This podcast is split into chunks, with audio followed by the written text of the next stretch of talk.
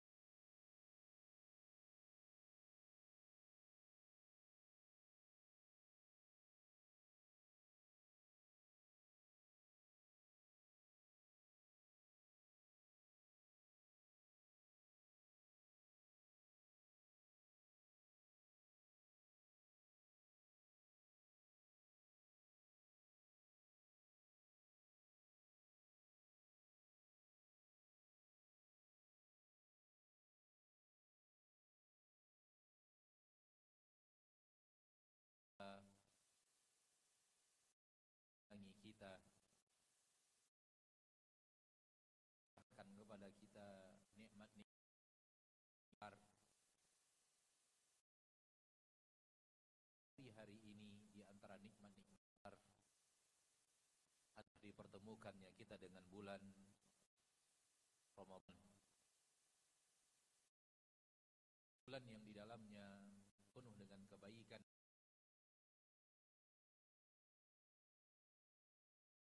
Bulan yang di dalamnya penuh dengan kemuliaan. Sebagaimana dikatakan dari hadis kita sallallahu alaihi wasallam yang telah dibacakan oleh para ashabi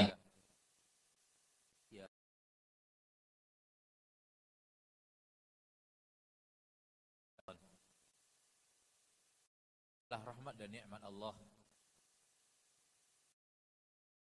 Kita menyolatkan saudara kita yang bertemu. Namun dia dipanggil menghadap Allah. Atau di akhir penghujung hari yang ketiga beliau dipanggil menghadap Allah diberikan kepada kita kesempatan untuk berada di bulan Ramadan. Memuliakan ini merupakan anugerah dan nikmat besar dari Allah Rabbul maka mari kita gunakan kesempatan nikmat besar yang Allah berikan kepada kita untuk benar-benar menjadikan Ramadan ini ajang kebaikan sekaligus ajang menghindar dari seluruh keburukan. Karena di antara panggilan malaikat adalah ya baghiyal khairi aqbil wa ya baghiyasy syarri aqsid wahai orang-orang yang menginginkan kebaikan datanglah. Datanglah. Di mana bulan Ramadan. Wahai orang-orang yang menginginkan keburukan berhentilah. Ini adalah bulan Ramadan. Masyaallah muslimin Masyaallah muslimat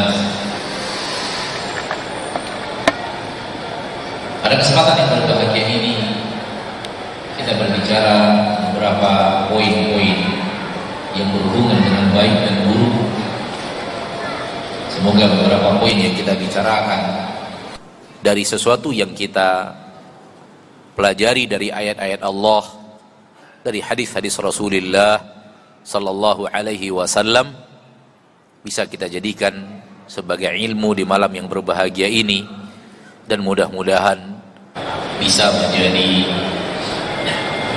amalan kita pasca kita berilmu tentangnya. Poin yang pertama, ma'asyarul muslimin, ma'asyarul muslimat, saudaraku saudariku, al-hadirin rahimani wa rahimakumullah. Bahwa Allah tabaraka wa taala menciptakan dirimu. Di dalam dirimu ada poin-poin yang engkau dengannya bisa melakukan kebaikan. Dan di dalam dirimu juga ada poin-poin yang dengannya engkau bisa melakukan keburukan.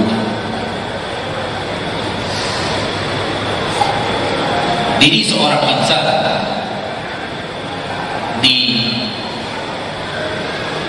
diciptakan oleh Allah Taala punya kemampuan untuk melakukan kebaikan. Sebagaimana punya kemampuan untuk melakukan keburukan. Jadi semua manusia Allah ciptakan punya kemampuan untuk berbuat baik dan punya kemampuan untuk berbuat buruk di sinilah manusia disuruh memilih. Di sinilah manusia disuruh memilih. Akankah dia memilih kebaikan? Atau dia akan memilih keburukan? Namun Allah Taala memerintahkan untuk memilih kebaikan dan tidak memilih apa? Keburukan. Allah berfirman di dalam surat Al-Balad ayat yang ke 10 wa najdain. Kami menunjukkan kepada manusia dua jalan. Sepakat para ulama ahli tafsir mengatakan dua jalan ini maknanya adalah jalan kebaikan dan jalan keburukan. Diberitahu kepada manusia disampaikan kepada manusia ini jalan-jalan kebaikan. Dan diperintahkan untuk berjalan di atas jalan kebaikan ini. Dan diberitahu kepada manusia disampaikan kepadanya diberikan hidayah kepadanya hidayah irsyad. Diberikan petunjuk kepadanya ini jalan keburukan. Sekaligus dilarang jangan berjalan di atas jalan ini. Sehingga hujah Allah pegang dan manusia kemudian diberikan Allah Taala kemampuan untuk memilih akankah dia memilih kebaikan ataukah dia memilih keburukan?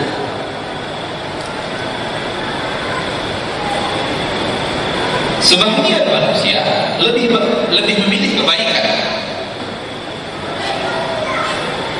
Sebagian manusia lebih memilih apa? Sebaliknya keburukan oleh karena itu ketika manusia memilih kebaikan dia berhak untuk mendapatkan ganjaran dari Allah atas pilihannya. Sebagaimana manusia yang memilih keburukan dia berhak untuk mendapatkan azab dari Allah atas atas pilihannya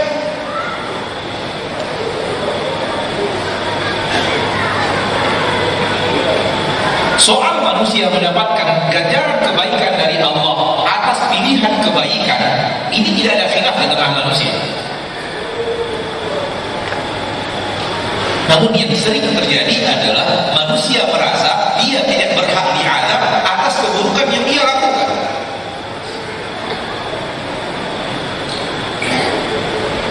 Padahal dia kaidah yang sama. Kalau anda memilih kebaikan anda ada ada balasannya untuk dirimu. Kalau kau memilih keburukan, ada ganjaran di atas diri. Ini dibacakan imam kita di akhir surat Al-Baqarah tadi. Laha ma kasabat wa 'alaiha maktasabat. Kebaikan yang dia lakukan untuk dia. Keburukan yang dia lakukan akibat buruknya untuk dia.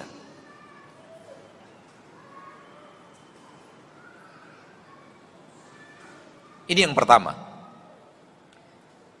Bahwa di dalam diri setiap insan ada bakat untuk berbuat baik sebagaimana ada bakat untuk berbuat buruk. Dua-duanya ada bakat. Tinggal dia lebih condong mengambil bakat yang mana. Dan di sini manusia punya pengaruh dari orang-orang sekitarnya.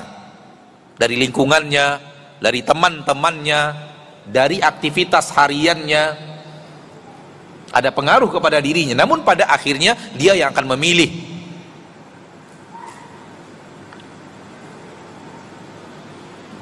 Ini poin yang pertama bahwa di dalam diri kita ada apa? Ada bakat. Bakat jadi orang saleh, bakat jadi orang yang tidak saleh. Orang saleh kenapa menjadi orang saleh? Karena dia memilih jalan kesolehan. Hal yang sama lakukan orang yang tidak soleh. Kenapa tidak soleh? Karena dia memilih jalan ketidaksolehan. Orang yang taat kenapa taat? Karena dia memilih ketaatan. Orang yang bejat kenapa bejat? Karena dia memilih jalan kebejatan.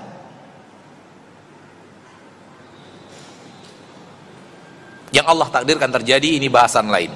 Namun kita sampai kepada poin pilihan kebaikan dan dan keburukan. Ini poin yang pertama. Poin yang kedua, ma'asyarul muslimin, ma'asyarul muslimat. Baik dan buruk standarnya adalah syariat. Baik dan buruk standarnya adalah syariat. Agama Allah. Al-Quran yang sudah Allah turunkan. Wahyu yang sudah Allah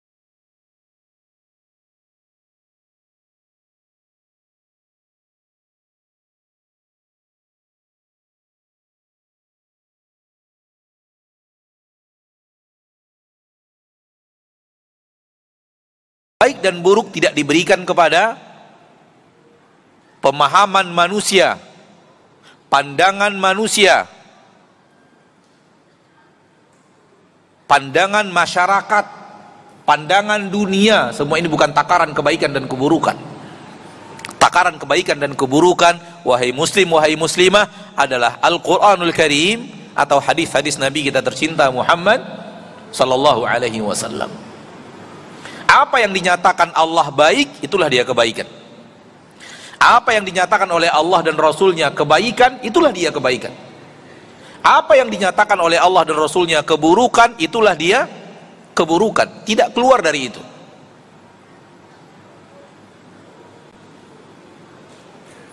Hindari menganggap sebuah kebaikan adalah kebaikan, padahal tidak diperintahkan syariat. Tidak ada dalam agama Allah hindari menganggap sebuah keburukan adalah keburukan padahal tidak pernah dilarang di dalam syariat.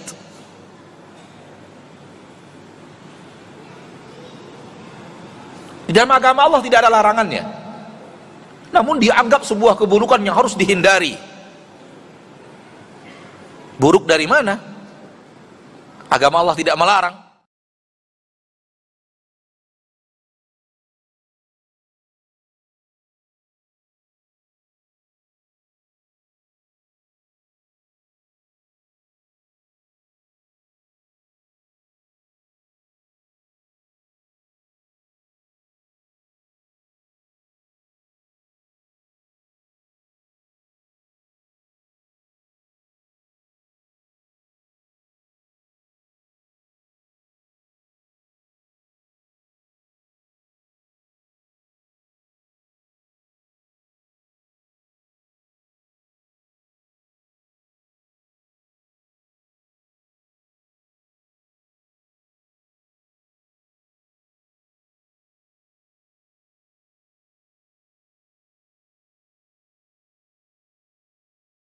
itu adalah sebuah dosa. Pelakunya harus di, harus dihukum.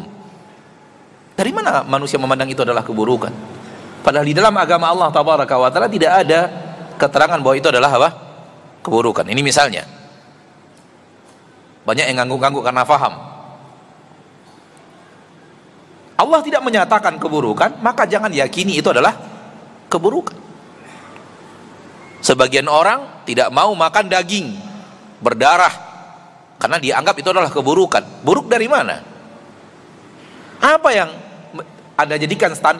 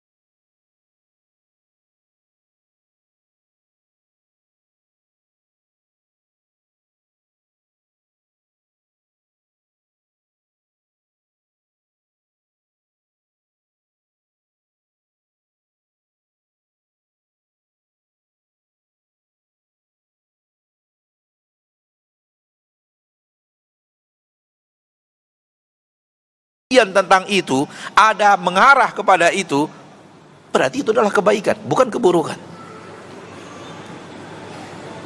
Sehingga seorang mukmin punya panduan yang jelas mana yang baik, mana yang buruk. Dan dia tidak terombang-ambing oleh ucapan manusia yang bisa saja dibungkus dengan bungkusan baik padahal isinya buruk. Atau dibungkus dengan kata-kata buruk padahal isinya apa? Baik. Sehingga seorang muslim, seorang muslimah yang benar-benar kembali kepada agamanya, Al-Quran dan Sunnah, dia punya standar yang jelas menilai sebuah kebaikan dan keburukan. Ustadz saya tidak punya kemampuan, gampang, tanya yang mampu. Ustadz saya tidak sulit untuk membedakan, caranya gampang, fas'alu ahla dzikri, tanya yang mengerti. Tanya orang yang mengerti syariat. Tanya orang yang mengerti zikir, mengerti agama Allah Rabbul Izzati wal Jalalah. Yang mampu untuk melihat kebaikan dan keburukan dalam hal yang sedang kita tak mampu untuk melihatnya. Maka jauhi baik menurut kita adalah sesuatu yang baik menurut pandangan kita tapi tidak kita kembalikan kepada syariat. Buruk menurut kita adalah buruk yang kita pandang dengan pandangan kita, tapi tidak ada keburukan itu disebut di dalam syariat, baik di dalam Al-Quran atau di dalam hadis Nabi kita tercinta Muhammad sallallahu alaihi wasallam. Ini penting masyaallah muslimin. Betapa banyaknya manusia memandang kebaikan padahal bukan kebaikan. Betapa banyaknya manusia memandang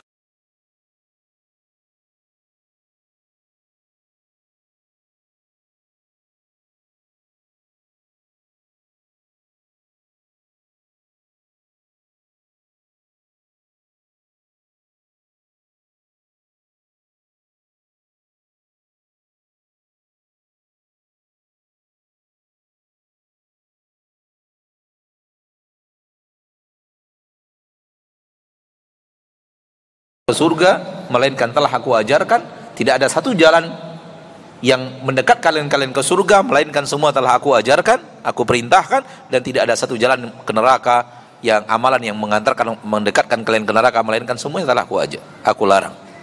Disampaikan dan dilarang. Ini makna kesempurnaan yang ada dalam agama kita yang ada di dalam Al-Qur'an. Firman Allah yang sangat masyhur al yauma akmaltu lakum dinakum Aku tinggalkan kalian kata Nabi di dalam jalan yang sangat terang benderang, jelas semuanya.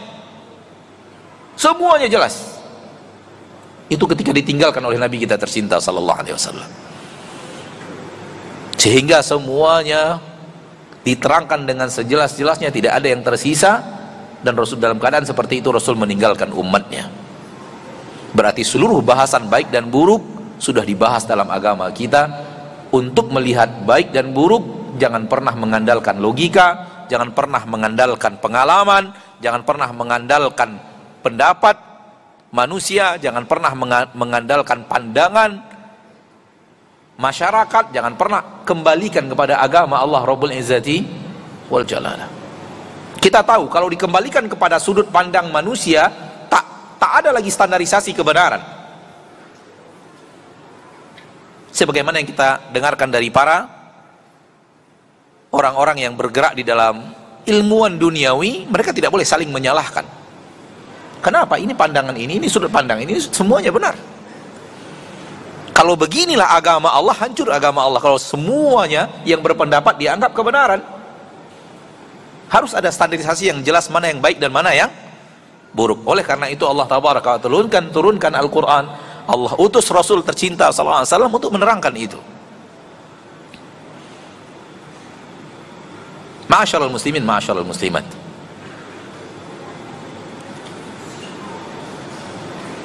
Berikutnya, poin tentang kebaikan dan keburukan adalah Anda dikasih tahu tadi, 15 sampai 20 menit paling lama. Ini udah 20 menit. Berhenti kita? Atau lanjut? Hah? Lanjut. Kalau antum bilang berhenti, Anda berhenti. Lanjut insya Allah? Oke. Okay karena akan mengambil waktu antum yang diberikan jatah oleh pengurus. Suatu poin yang dibicarakan oleh para ulama bahwa yang dilarang oleh syariat adalah keburukan. Yang diperintahkan oleh syariat adalah adalah apa? Kebaikan. Pertanyaannya adalah apakah buruknya itu karena dilarang? Apakah baiknya itu karena diperintahkan?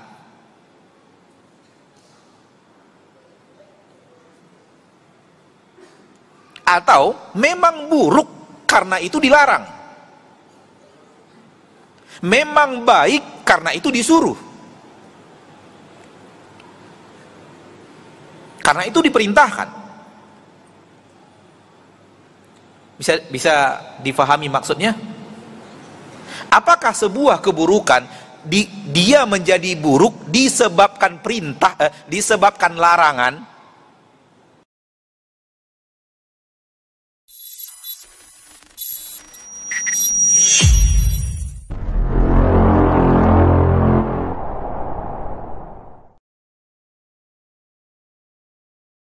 untuk berzina. Dilarang kita untuk membunuh nyawa orang lain. Dilarang untuk menzolimi harta anak yatim. Mengambil harta anak yatim. Dilarang kita untuk mencurangi timbangan. Dilarang kita untuk ngikut tanpa ilmu Dilarang kita berjalan di permukaan bumi dengan kesombongan. Setelah itu Allah katakan kullu dzalika kana sayyi'uhu 'inda rabbika makruha. Semua itu buruknya dia di sisi Allah tidak disukai. Di ayat yang ke 38 disebut tadi di atas kita ulangi lagi disebut dilarang membunuh anak. Ada orang bunuh anaknya? Ada pak. Walau di kita nggak banyak tapi ada. Ada.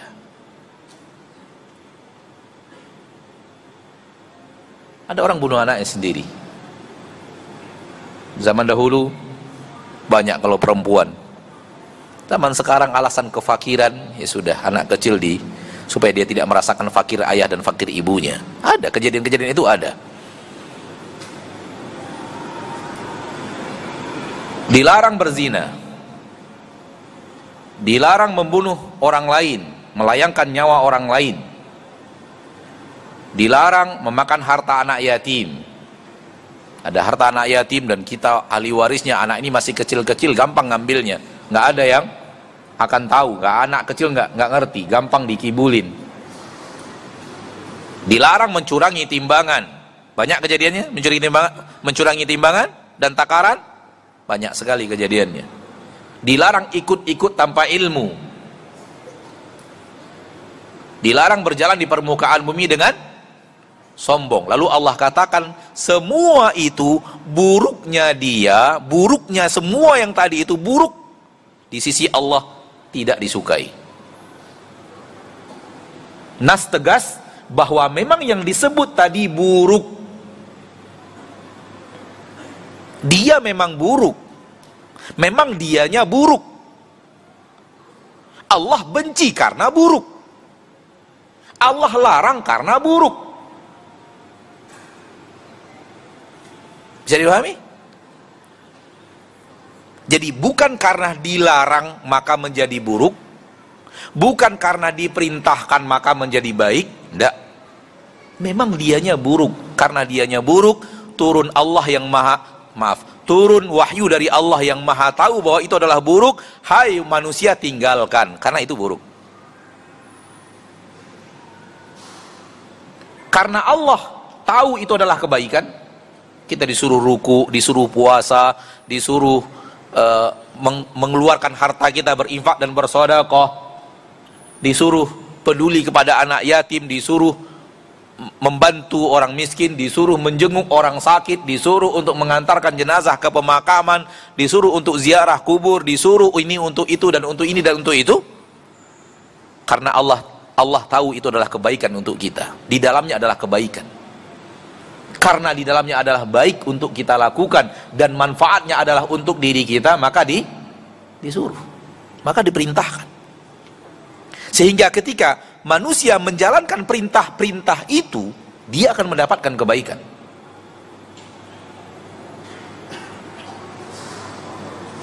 Ketika manusia menjalankan larangan-larang itu, dia akan mendapatkan keburukan. Penuh dengan kebaikan. Sehingga ketika kita berjalan di atasnya, ada kebaikan yang kita dapatkan. Ada ketenangan yang kita dapatkan, ada ketentraman yang kita rasakan, ada kebahagiaan yang Allah berikan kepada kita ketika kita berjalan di atas kebaikan-kebaikan yang diperintahkan tadi. Karenanya orang yang berbuat kebaikan dia berbuat baik untuk dirinya sendiri. Karenanya orang yang berbuat keburukan dia berbuat buruk untuk dirinya sendiri. Karena dengan menjalankan perintah Allah dia telah mendatangkan kebaikan untuk dirinya dengan izin Allah. Karena dengan melanggar aturan Allah dia telah membawa keburukan untuk dirinya sendiri. Maka dia menzolimi dirinya dengan mengambil keburukan dan dan dan menjadikan dirinya mendatangkan mendapatkan keburukan dengan perbuatannya sendiri.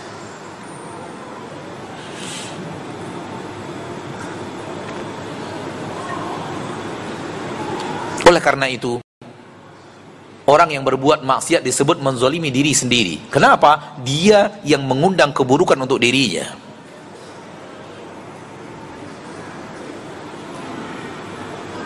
Banyak di dalam Al-Quran kita temukan Allah Taala berfirman tentang penduduk neraka, kami tidak menzolimi mereka, namun mereka yang menzolimi diri mereka sendiri. Poin yang ke berapa lagi? Empat. Dan ini mungkin kita akhiri cukup di poin yang keempat.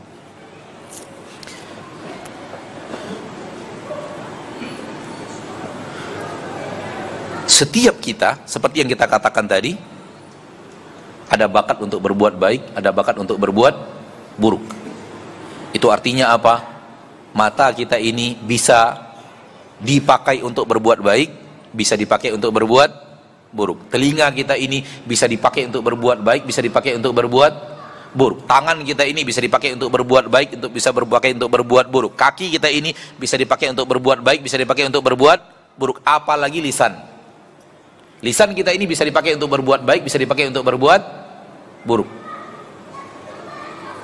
Tadi sudah kita katakan tentang tentang kitanya. Di poin yang keempat antara kita dan orang lain. Yaitu yang buruk-buruk dari yang ada pada diri kita ini jangan seberangkan ke orang lain. Yang diseberangkan ke orang lain itu cukup yang baik-baiknya saja.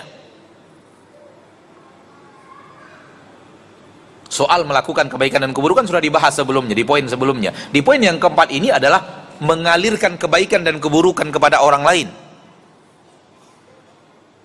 Allah perintahkan kita di dalam agama yang mulia ini, Rasulullah SAW perintahkan kita, ketika kita mengalirkan sesuatu dari diri kita ke orang lain, alirkan yang baik-baik saja.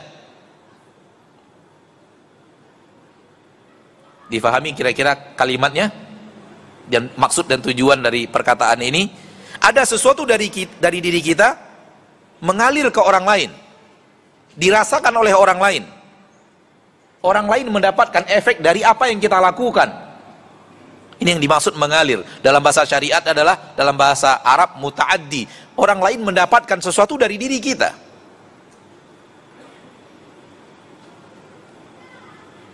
Orang lain merasakan sesuatu dari diri kita. Jadi kita ada dua, ada kebaikan dan keburukan.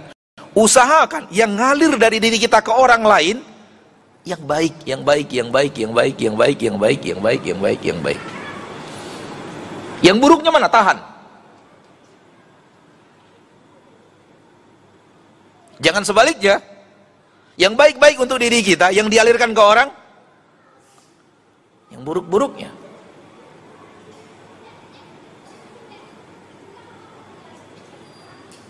Hidup seorang mukmin adalah mengalirkan kebaikan Dan kalau tidak mampu dia mengalirkan kebaikan kepada orang lain, dia menahan agar keburukannya tidak sampai kepada saudaranya.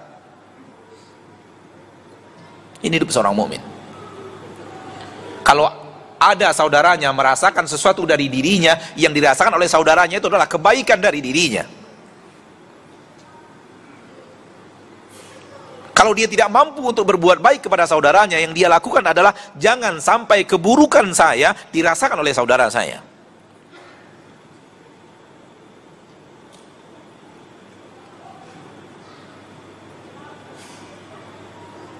Berusahalah hidup memiliki prinsip hidup seperti ini dalam berinteraksi dengan muslim dan muslimah. Bahkan berinteraksi dengan manusia walau tidak muslim dan tidak muslimah. Apalagi muslim dan muslimah. Bahkan keburukan untuk hewan pun dilarang oleh Nabi kita tercinta Muhammad sallallahu alaihi wasallam. Seorang wanita masuk neraka karena kucing. Dia kurung kucing itu tidak diberikan makan tidak diberikan minum sampai mati. Allah masuk neraka. Hadis sahih Imam Muslim. Kalau seekor kucing dizolimi Allah murka apalagi manusia. Walau tidak muslim apalagi muslim.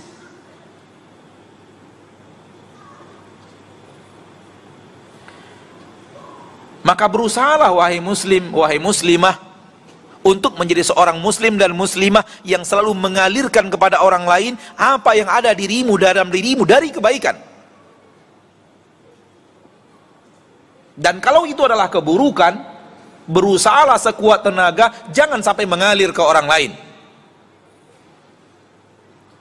Lisan alirkan yang baik-baik saja. Tangan alirkan yang baik-baik saja. Harta alirkan yang baik-baik saja. Tenaga alirkan yang baik-baik saja. Karena itu bisa dialirkan yang buruk. Dan kalau kita perhatikan agama kita sampai hati pun tidak boleh mengalirkan keburukan. Hati yang orang lain tidak tahu. Yang orang lain tidak bisa rasakan. Yang orang lain tidak boleh untuk menebak-nebak. Yang orang lain tidak akan tahu apa yang ada pada hati kita. Itu pun dilarang mengalirkan yang buruk. Betul atau tidak? Su'udhon Apakah manusia tahu dia di su'udhoni? Dia bisa merasakan gak dia di su'udhoni gitu? Gak bisa. Karena dalam hati kita. Subhanallah, sesuatu yang manusia tidak bisa rasakan, namun mengalir dari diri kita ke orang lain, buruk dilarang oleh syariat. Apalagi yang bisa dirasakan oleh orang lain dari keburukan itu.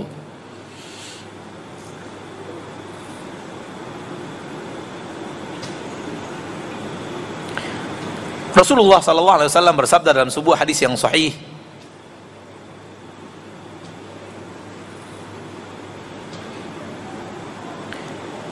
Diriwayatkan Imam Bukhari dan Muslim dari Abi Dzar radhiyallahu taala anhu. Kata Abu Dzar ya Rasulullah sallallahu alaihi wasallam ayyul a'mali afdal amalan apa yang paling afdal? Qal Rasul kita SAW menjawab Al-imanu billah Wal jihadu fi sabilih. Beriman kepada Allah Berjihad di jalan Allah. Semua ini kebaikan. Karena dia baik Makanya diperintahkan supaya kita mendapatkan kebaikan itu. Qultu aku berkata ayur riqabi afdal. Budak yang dimerdekakan yang mana yang paling afdal? Qal Rasulullah SAW menjawab anfasuha inda ahliha wa aktharuha thamana yang paling berharga dan paling mahal harganya Qultu wa illam af'al. Saya berkata, kalau saya tidak bisa mengerjakan itu, tak, tak mampu memerdekakan budak itu. Memerdekakan budak adalah pekerjaan besar ibadah besar dalam agama kita. Butuh harta yang besar untuk memerdekakan seorang budak. Walaupun sekarang sudah tidak ada secara mayoritas namun masih ada di sebagian kecil negeri di di belahan bumi ini masih ada tuan dan budak namun sesuatu yang ada dan diakui oleh syariat sampai zaman Rasul kita SAW dan meninggalnya Rasul adanya pengakuan adanya budak dan dan tuan. Saya tidak mampu untuk itu. Saya tidak punya harta untuk memerdekakan seorang budak yang sangat dibutuhkan oleh tuannya dan akan dijual hanya dengan harga yang mahal. Saya nggak punya mampu untuk itu ya Rasulullah. Qal tu'inu sani'an. Engkau bantu seseorang dalam pekerjaannya lihat yang ingin anak katakan adalah lihat mengalirnya kebaikan kepada orang lain. Au atau engkau membuat sebuah usaha untuk orang yang belum punya usaha. Engkau bantu dia mendapatkan usaha untuk ma'isyahnya. Qultu ya Rasulullah kata Abu Dhar Aku katakan wahai Rasulullah, bagaimana ara'aita in da'uftu an ba'dil amal? Bagaimana kalau saya nggak mampu juga untuk melakukan sebagian amal-amal tadi? Qal kata Nabi SAW, takuffu syarraka anin nas. Engkau halangi keburukanmu untuk manusia. Engkau halangi apa? Keburukanmu untuk manusia. Coba lihat Bapak dan Ibu kaum muslimin dan muslimat, alirkan kebaikan. Alirkan kebaikan, alirkan kebaikan. Tak mampu mengalirkan kebaikan, tahan apa? Tahan keburukan. Tahan keburukan. Mari kita berusaha mengamalkan ini. Setelah kita berilmu tentangnya pada malam yang berbahagia ini, mari kita jadikan sebuah prinsip hidup ingin mengalirkan kebaikan kepada orang lain. Siapa pun itu selagi di kebaikan itu ada di dalam agama Allah berusaha untuk menahan keburukan untuk tidak mengalir kepada orang lain. Mungkin empat ini karena sudah lebih setengah jam. Semoga Allah Taala berikan kepada kita taufik untuk bisa mengamalkannya. Ma ashala al-kalam wa ma as'aba al-amal. Kalau ngomong alangkah gampangnya.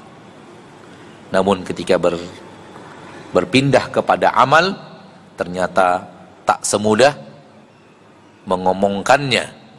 Membicarakannya gampang. Namun ketika masuk dalam dunia praktek harian sering sekali kita lupa apa yang gampang untuk kita bicarakan. Tidak ada yang mustahil. Berat iya.